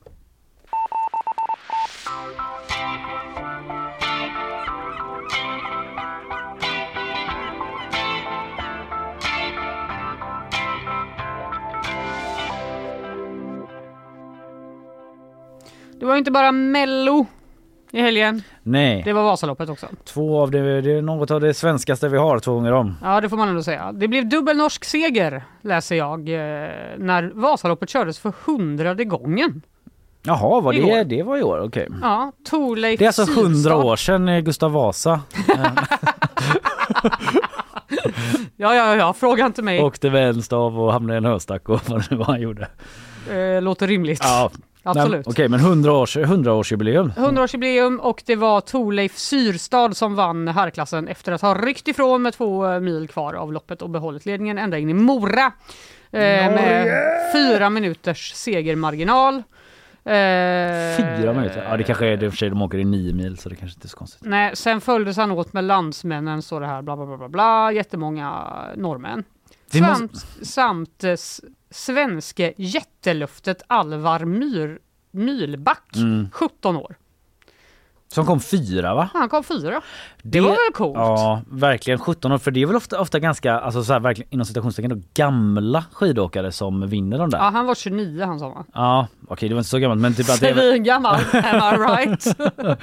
Men att även sådana som liksom, de som har slutat att köra typ så normal längdskidor i världscupen och sånt. De kan liksom fortsätta och köra där för att de är så duktiga tekniskt och sånt. Så kan de fortsätta där. Men det är lite där att man känner att nu måste vi börja krossa Norge. This Ja. cannot stand liksom. Ja, på damsidan så var det då Emily Fleten Mm. som eh, tog sin andra raka seger i Vasaloppet. Mina barn skratt, skrattade ihjäl sig åt att hon hette Fleten. Varför då? Jag vet inte, de tyckte det var roligt bara. Är det något jag inte Den förstår? äldre kusinen bara Fleten! Och så bara skrattade de så de vek sig i soffan. Gulligt. Ja, det var lite gulligt. Men eh, det är ju inte, för oss som inte eh, bryr oss så mycket, tänkte jag säga. Kanske Mm. man, det är mer den här nyheten om eh, att återställ våtmarker var det. Ja, och där kom trea. Skapade, skapade tumultartade scener som ju är deras signum får man ändå säga. Ja, Och det de gjorde var att de sprang ut då strax före målgången när den här vinnaren Torleif Systad närmade sig mållinjen så sprang de in på spåret Mm. och eh, där brottades de ner av säkerhetsvakter och eh, det kunde helt enkelt avvärjas utan större dramatik. Det var Ju- lite motsägelsefullt här. ja det var Det ganska var dramatiskt. tumultartat men sen var det inte någon dramatik. Ja. Men vet du, jag såg det klippet och de Mhm. var jäkligt snabba på att brotta ner dem. Alltså de hann knappt eh, ta två steg in på baten, banan innan det var två, tre ordningsvakter där och Är det bara sant? brotta ner. De hann liksom inte ens ta fram, de kanske inte skulle limma sig på snö men vad de nu än skulle göra. Det var jävligt kvickt agerat av de här ordningsvakterna måste jag säga utifrån de bilderna jag såg. Ja, för det står här att deras talesperson då, Återställ våtmarker, säger att planen var att på något sätt hoppa in på banan och ta upp våra banderoller och skapa en störning Mm. så att åkarna skulle få ta en omväg. Fan vad taskigt. Via liksom, Vi får vända igen. via Åka. Närke. Eh, men eh, man kan ju kanske tänka sig att de visste eller misstänkte att det skulle hända något. Alltså de är lika med. Tävlingsledningen, ja men Mm. kanske. Det är ju blivit ett ganska Typ ett, om man har ett säkerhetsmöte så har man nog med det där som en eventualitet i och med att de dyker upp typ på mello och Ja, alla precis. möjliga sådana ställen. Let's liksom. Dance. Det är verkligen Mindre prime aktuella ställen. location som Ja, det får man verkligen eh, säga. Vasaloppet är för dem. Jag kan också säga att eh, ovanligt många åkare tvingades bryta Vasaloppet eh, i år, säger eh, kontrollchef Glenn Broberg till P4 Dalarna. Eh, han tror att det är eh, det blöta underlaget och bristen på före i spåret. Vad? Alltså före är ju typ hur lätt det går att åka typ. Eller liksom Heter det? för, för, bra före, före idag. Lätt före idag. Det är liksom beroende på före ska man valla på olika sätt och sånt där. Ja, Jag är ingen expert men föret är liksom underlaget man åker på typ. Vad det är för före idag. Alltså är det slaskigt, är det nysnö, är Jaha. det fryst? Då talar man om föret. Ja, ja okej. Det, det är i alla fall förklaringen till att så många fick bryta. Där har ni den, alla som eh, väntat.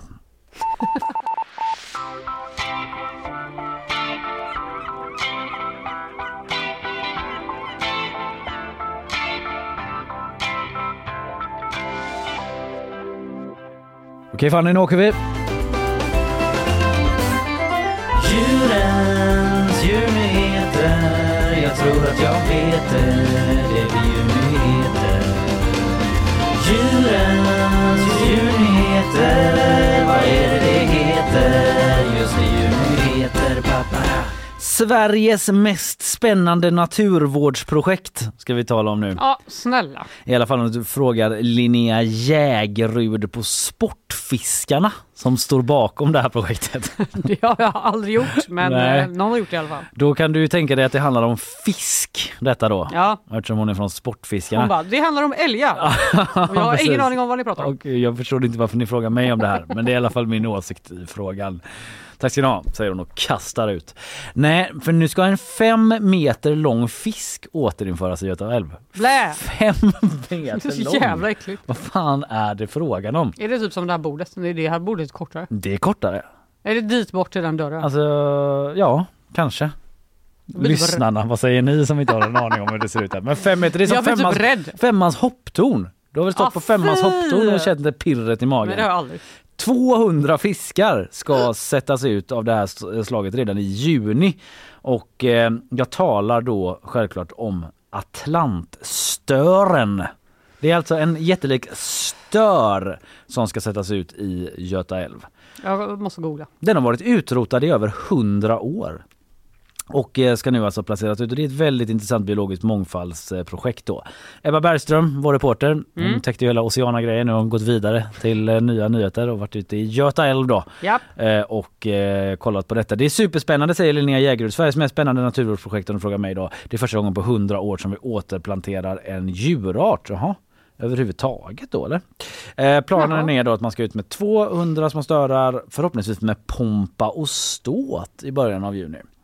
Trevligt. Ja, jag hoppas att någon stor viktig människa sätter ut den allra första. Vem skulle det kunna vara? En stor viktig människa? Kungen typ? Wow. Liksom bara prytsar ut eh, ett, några stör bebisar typ. Jag vet inte hur det ska funka ens men eh, att man kan säga ha en familjedag där. Det är ett tips till dig och familjen i juni Fanny. Att ni åker ut någonstans vid eh, Älvlands, Älvdalen där. Ja. Och sen när de eh, pytsar ut det här då. Eh, och eh, den är släkt med kända ka- kaviarfiskar eftersom det är en stör. Ja just det. Och den försvann på grund av eh, överfiske vid eh, förra sekelskiftet. Men wow. Historiska säger, källor säger att de kan bli över 140 år gamla och över fem meter långa. Det är det sjukaste. Lite äckligt Emma. På något Tänker på filmen Big Fish. Typ. Ja, men det, är- det är någonting, eh, någonting i hästvägen då. Fisken ska smaka gott och är besläktad med stör som producerar lyxig sån här beluga kaviar då. Jaha. Men eh, det är redan olagligt att fiska Atlantstören då och kaviarproduktion är många decennium bort så det är liksom inte så att vi eh, liksom, nej nej. Vi kommer inte få ja, lite, Njuta av kanske det. blir riktigt gamla då men. Alltså jag har ju ändå varit i liksom älvlandskapet i helgen då. Ja, just det. Eh, Och var nere vid älven faktiskt på en liten promenad. Och då hade jag precis läst om den här nyheten, den kom igår någon gång och bara tänkte för där, jag har liksom badat där någon gång och så. Tänk om det skulle komma en fem meter lång Nej. jävla stör och simma in mellan Jag eh, vill benen på veta den. mer. Vi kanske kan ha en gäst om det här. Mm. Ja men kanske det. Jag vill De, veta allt om den här stören. de hoppas i alla fall att eh, stören ska skapa mer balans då i eh, ja, den här vad säger man, bios, ekosystemet. Mm. För det har skapats liksom ett hål där. Vi har för lite storfisk i världen så andra arter som är beroende av storfisk kommer att dra nytta av att stören kommer tillbaka. Till exempel hjälper då de olika nejonögon. Jag vet inte vad det är, förlåt men vi tror att det kommer bli en påverkan på ålgräs när stören äter det. So that's cool I guess. Mer frågor än svar. ja, men eh, Atlantstören alltså. I Wow. juni, då kommer den.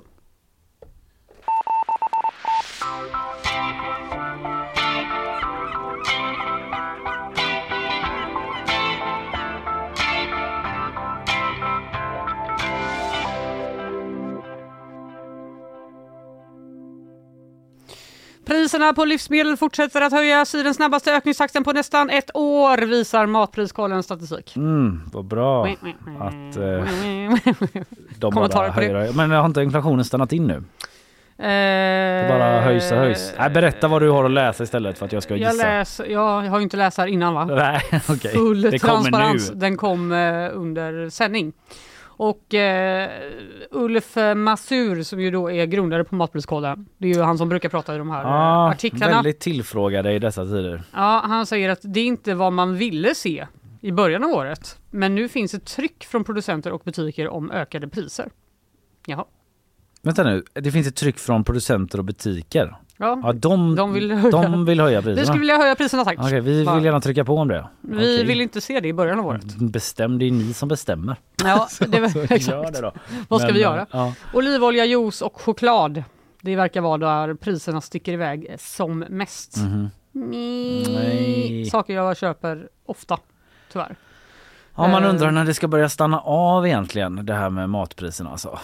Ja, jag vet. Det är väl, har man ju ändå liksom lite att det ska börja vända lite neråt nu med räntorna och inflationen och sådär. Alltså bland de stora matkedjorna har Axfoods, Hemköp då Mm. och Willys höjt priserna mest sedan årsskiftet med 1,4 procent. Mm. Det är ändå ganska mycket. får jag Ja. ändå säga. Ja det är det. Vi får väl se vart det landar. Eh, vill du höra om Göteborgs nya bro? Eh, ja, va? Mm. Igen? Nej men eh, det ska ju bli en sån gång och cykelbro över älven ju. Kände, det kände du till eller? För jag var Vet lite du så här, vad? Jag trodde att det var cancelled som allt annat. Jag Ja. trodde att i samband med de här linbanan, kommer du ihåg det? Ja det kommer jag ihåg, det kommer jag ihåg. Jag trodde att de bara, nej. Det blir inget. Ja, men alltså jag kommer ihåg när jag för typ så tio år sedan var på Göteborgstidningen Göteborgs-Tidningen eller typ 11 år sedan och intervjuade någon lokal sverigedemokrat som ville att man skulle bygga en linbana. Då var de ganska nya i Göteborgspolitiken så jag bara, bara så här, "Va? linbana? Är det liksom eh, världsutställningen 1924 det här eller vad är det som pågår? Man kan ju drömma. Ja och sen var det ändå typ det seriösa förslaget, sen blev det ingenting. Och därför blev jag lite också förvirrad över det här med gång och cykelbron. För jag ska vara helt ärlig med att jag var så här, jaha, visste jag ens om det här? Eller jag bara, man har ju hört om sådana planer i hundra år. Ja. Men då läser jag på GP här då under helgen, eh, Filip Kruse har skrivit om att eh, ja, nu är det liksom eh, ritningen har kommit nu då. Jaha. Och den kommer att ritas av samma arkitekter som ritade Hisingsbron. Alltså vår senaste, vårt senaste Wow. brotillskott här i stan. Ja. Och förslaget är att det ska vara en klaffbro med dubbla klaffar, säger, klaffar säger Christer Niland på exploateringsförvaltningen. Så den kan fastna dubbelt så många gånger! Exakt! Då kan man öppna på två ställen. Klart är att bron kommer att ha en segelfri höjd på 5,5 meter i stängt läge Mm. men obegränsad eh, då, eh, höjd i öppet läge. Så när man öppnar den här klaffarna så kan hur höga båtar som helst åka där. Vad bra. Naturally. Precis, och det finns eh, en eh, bild, alltså en sån arkitektskiss Ja, typ på gp.se eh, där man kan se den. Ja, men jag den är- kan lägga den på Instagram. Ja, du kan göra det. Oj, Ja. vad sjukt den ser ut. Oj, oj, oj. Ja men eller hur, den är ju väldigt låg då förutom väldigt i låg mitten. och väldigt lång. Väldigt lång och väldigt låg och i mitten så är den lite högre då så det Tänk blir en att cykla där när det är riktigt blåsigt och regnigt. Ja, satan. Det vill säga alltid. Vad snålt det ska blåsa där ute varje dag ja. Ja. ja, nej men precis och den ska gå då från Packhuskajen Mm. På fastlandssidan och över till Hugo Hammars kaj. Det är alltså kasinot. Ja precis och Hugo Hammars kaj är ju liksom Lundbystrand där typ. Mhm. Eh, den, eh, alltså ganska nära vid, i höjd med Lundbystrandshallen. Och den, eh, den båtstationen Lundbystrand är det väl? Vad är det? Eller den kanske heter Hugo Hammars. Alltså Lundbystrand känner jag väl till bara för att jag spelade fotboll när jag var liten och där var det alltid liksom hundra fotbollskupper. Eh, men jag lyckades inte ja, klicka upp den jävla kartan här nu då. Men ja, Det är riktigt bra eh, radio. riktigt bra radio nu när vi liksom försöker lista ut vart det Vi ligger. var inne på olika kartor och kolla. Man kollar den artikeln på gp.se att den här eh, klaffbron då, det är så den ska se ut. Den är Eh, väldigt nära Karlatornet ser jag här. När jag Ja, inne på Google precis. Street Och View. det ska liksom inte vara någon gestaltningstävling då som det brukar vara att man lyser ut en sån arkitekttävling. Då Nej. frågar Filip Kruse, finns det en risk med att slutresultatet blir lidande när man inte har någon gestaltningstävling? Eh, det finns olika sätt att få bra processer, jag är full av förhoppning att det här ska bli bra, säger då. Björn Sisjö, stadsarkitekten då. Men den kanske de vill att den ska matcha med Hisingsbron kanske? Ja, det kan väl vara det, precis att man får lite sammanhållande arkitektur där. Eh, I april kommer första arkitektskisserna på hur bron faktiskt kan komma att se ut då, men det här är liksom ett eh, förslag då. Det var uppe på sammanträdet i veckan på stadsbyggnadsnämnden men blev bordlagt och ska hanteras eh, eh, på nästa möte här i mars då. Men i april kan det vara klart. Men det här är liksom den eh, bilderna då på hur, den, hur förslaget kan se ut. Otroligt. Ja, jag tyckte faktiskt det var lite intressant. Det är ett jävla ingrepp i stadsbilden ändå. Men det är för alla som ska bo i. Karlatornet ska kunna komma till stan snabbt. Ja just det, och cykla då som Mm. moderna människor.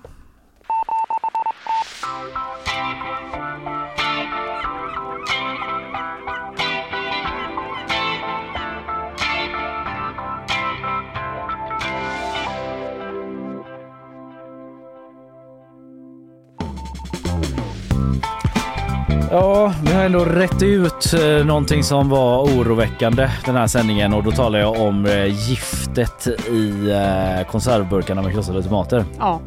Eh, det, vi hade ju med oss då på eh, telefon under morgonen eh, Sabina Litens Karlsson som, äh, Karlsson som är toxikolog på Livsmedelsverket och pratade om den här bisfenol A, det ämnet som fanns i fem av sex konservburkar med krossade tomater. Åh nej! Som Råd och Rön rapporterade om och det blev en stor snackis och hon redde ut där liksom hur farligt är det ungefär. Och du följde upp de här Bader-Meinhof eh, efterlysta terroristerna. Ja, två pensionärer är fortsatt på rymmen. Ja, Men eh, de kämpar på, den eh, tyska polisen. Container beslagtagen. Container beslagtagen, 130 poliser eh, på plats i Friedrichshain i Berlin. Så var det och jag tog ett rejält grepp om fortsättningen på Karlastadsaffären. Det visade sig då att ett oöppnat, ett brev som aldrig blev öppnat liksom ligger bakom då att eh, de högsta politikerna i stan inte fick reda på den här affären och eh, liksom gav sig ut i media som en konsekvens av det liksom och ropade om att det är ett demokratiproblem, mörkning, man har rundat demokratin och så vidare. Riktigt sjukt var det. Det kanske aldrig hade behövt hända om eh, det här brevet hade öppnats och eh, därför har liksom två av stans absolut, den absolut högsta tjänstemannen och en av de näst liksom högsta har liksom kallats upp då av Jonas Attenius som eh, sagt till dem att nu får ni fan reda ut det här sinsemellan. Åh nej. Ja, och eh, ja, det var väl det hela för dagen egentligen. Du pratade ju om Melodifestivalen ju. Ja, det gjorde jag ändå. Rövballebandet har ställt till det igen i farten igen. Typiskt. Ja. Vi är tillbaka imorgon igen. Eh, Tack för att ni lyssnat. Carl Jansson har varit producent idag.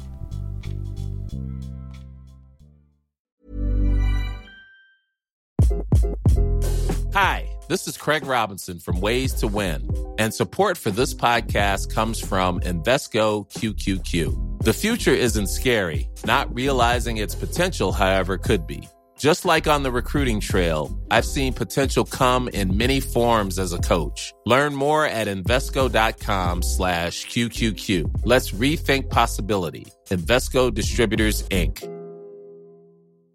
Even when we're on a budget, we still deserve nice things. Quince is a place to scoop up stunning high-end goods for 50 to 80% less than similar brands. They have buttery soft cashmere sweaters starting at $50, luxurious Italian leather bags, and so much more. Plus, Quince only works with factories that use safe, ethical, and responsible manufacturing. Get the high-end goods you'll love without the high price tag with Quince. Go to quince.com slash style for free shipping and 365-day returns. Planning for your next trip? Elevate your travel style with Quince. Quince has all the jet-setting essentials you'll want for your next getaway, like European linen, premium luggage options, buttery soft Italian leather bags, and so much more. And is all priced at 50 to 80% less than similar brands. Plus, Quince only works with factories that use safe and ethical manufacturing practices.